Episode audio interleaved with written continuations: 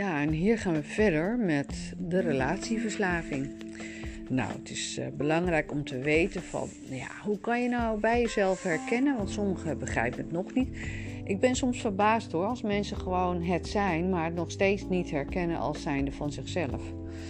Nou, eigenlijk word je niet zomaar een man of een vrouw die um, eigenlijk meteen zichzelf daarin herkent natuurlijk, hè.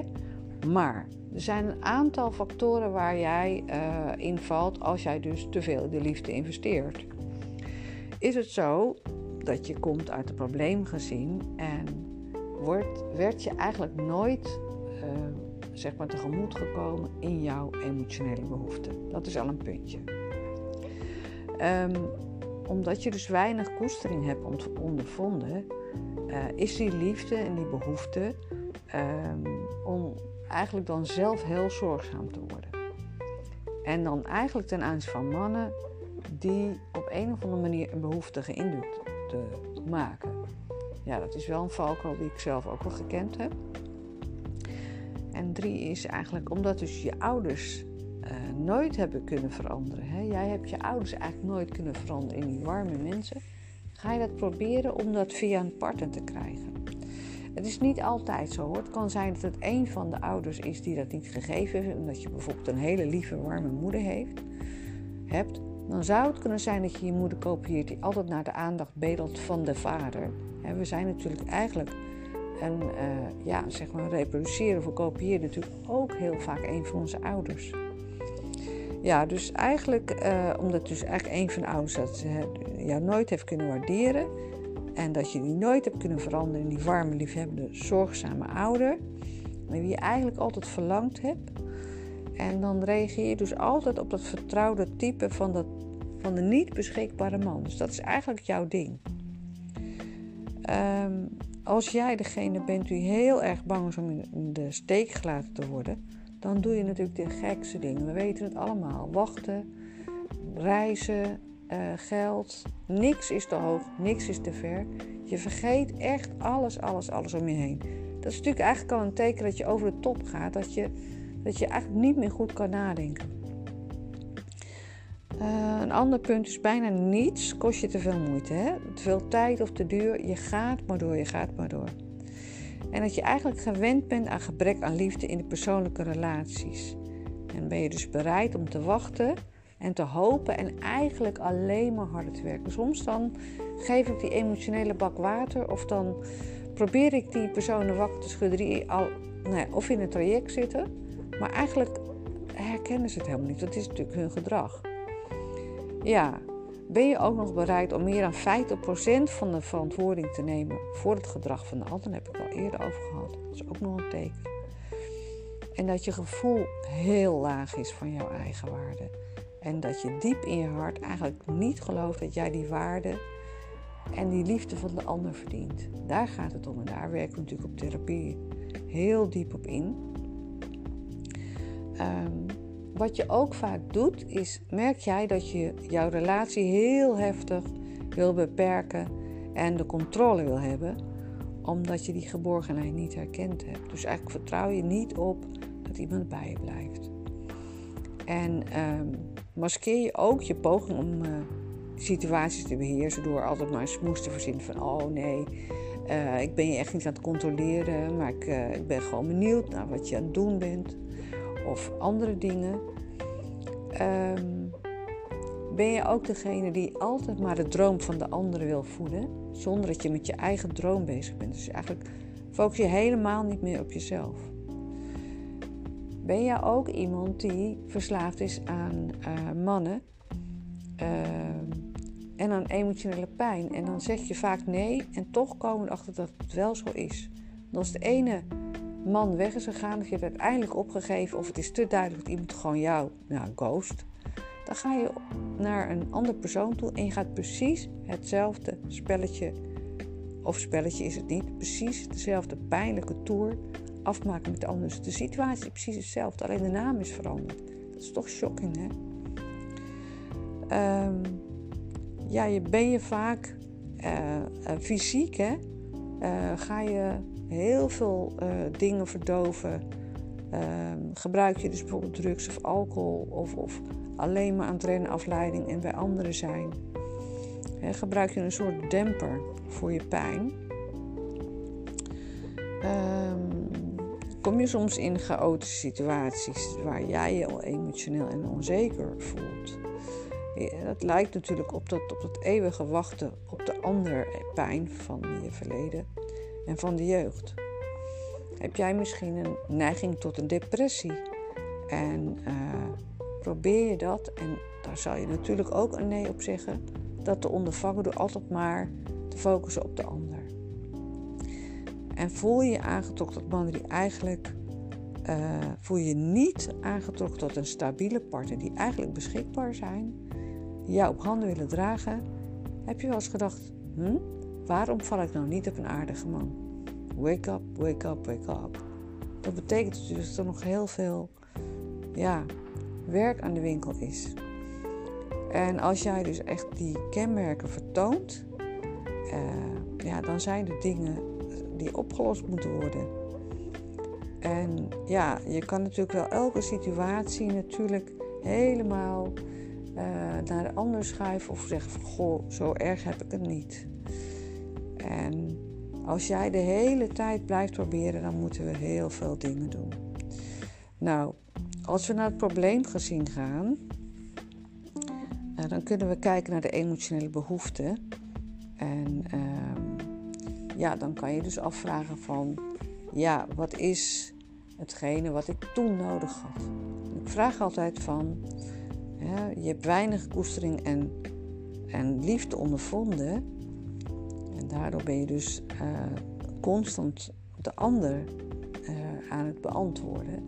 En constant die ander in te vullen en dingen in te vullen over de situatie waarom het nog niet zo goed is.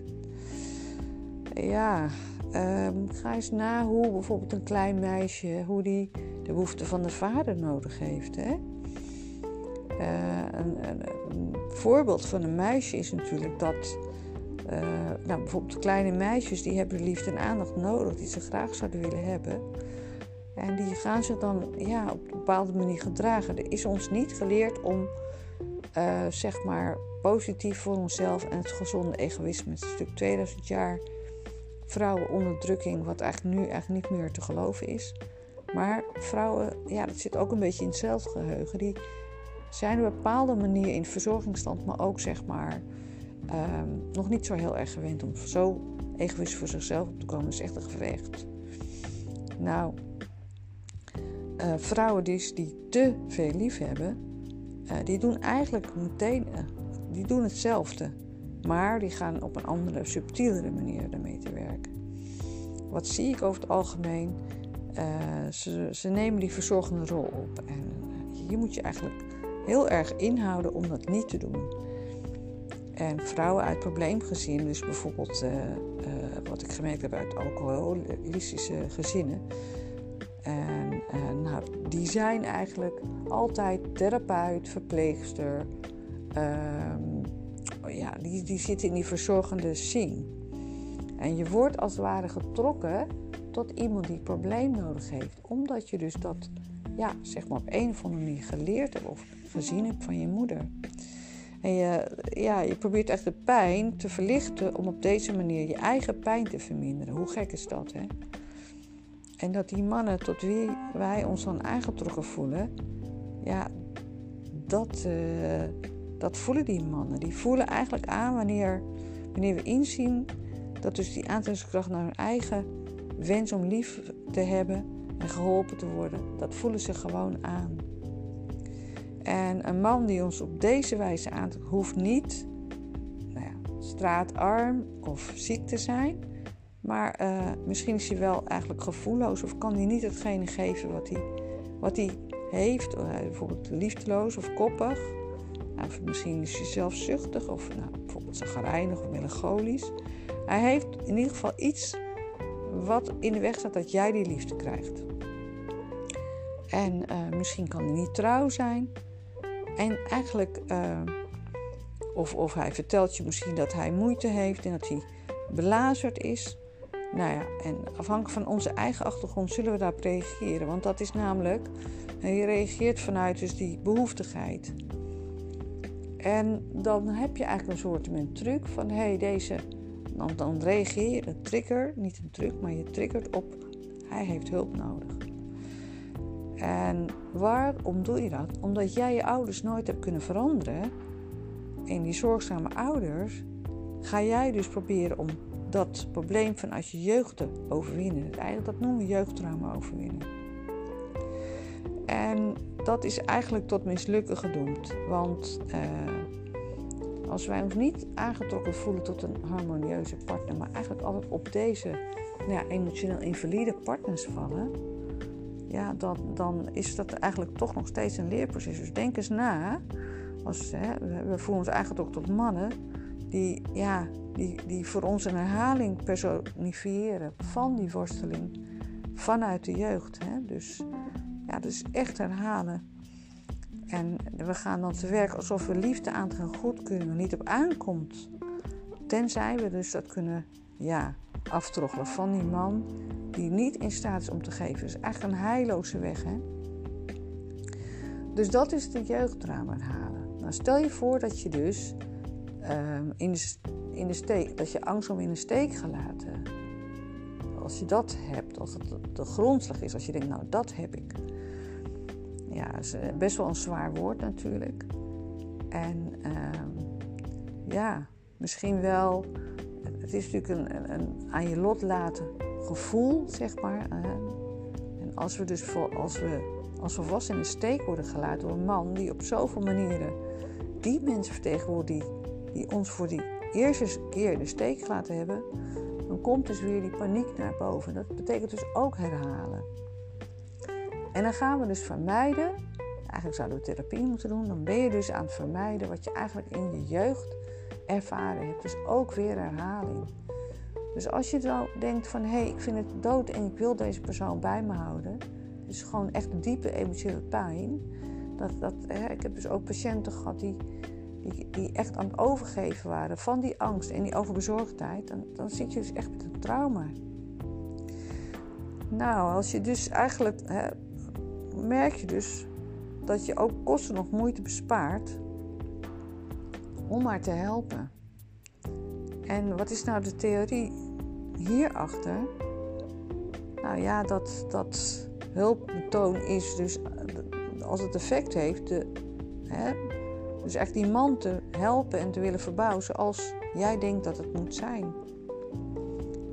En dat jij dus die strijd zult winnen en wat je zo lang gewild hebt. Dus je blijft dus aan het werk. Ik zeg meestal van, dit is een werkrelatie. Wil je altijd blijven werken? En uh, nou, dan, dan zullen we eigenlijk voor onszelf eigenlijk heel veel dingen gaan ontzeggen. Wij offeren ons totaal op, hè. We gaan, wat, wat doe je dan precies? Nou, je gaat hem verwennen op alle gebieden. Je gaat eigenlijk hem boven jou stellen. Je gaat uh, therapie voor hem zoeken. Je gaat iets kopen voor hem. Je gaat zijn behoeften proberen te vullen. Je gaat kijken, kijken. En dat is wat je dus doet. Uh, je gaat eigenlijk zorgen dat deze man bovenaan staat. Verhuizingen. Uh, jezelf ontzeggen van baan. Minder geld voor jezelf gebruiken. Minder tijd hem eigenlijk bovenaan zetten. De helft van je bezittingen geven. Denken, oh, zo zit liefde in elkaar.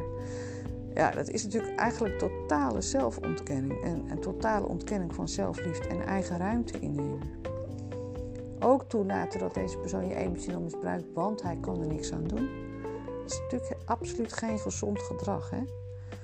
En uh, je gaat dat eigenlijk vermaskeren. Ver, omdat dus jij dus echt jezelf goed praat, uh, dat, dat emotionele misbruik, omdat hij nooit zijn gevoel heeft mogen uiten.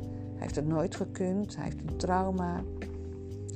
En nou ja, dit is eigenlijk een, een klein inzichtje van hey, uh, de manier waarop jij probeert om hulp te bieden natuurlijk. En, en hoe jij die helper stand los kan laten. En ik merk ook dat als ik uh, met mijn patiënten werk, dat ze eigenlijk steeds meer voor zichzelf dingen gaan doen.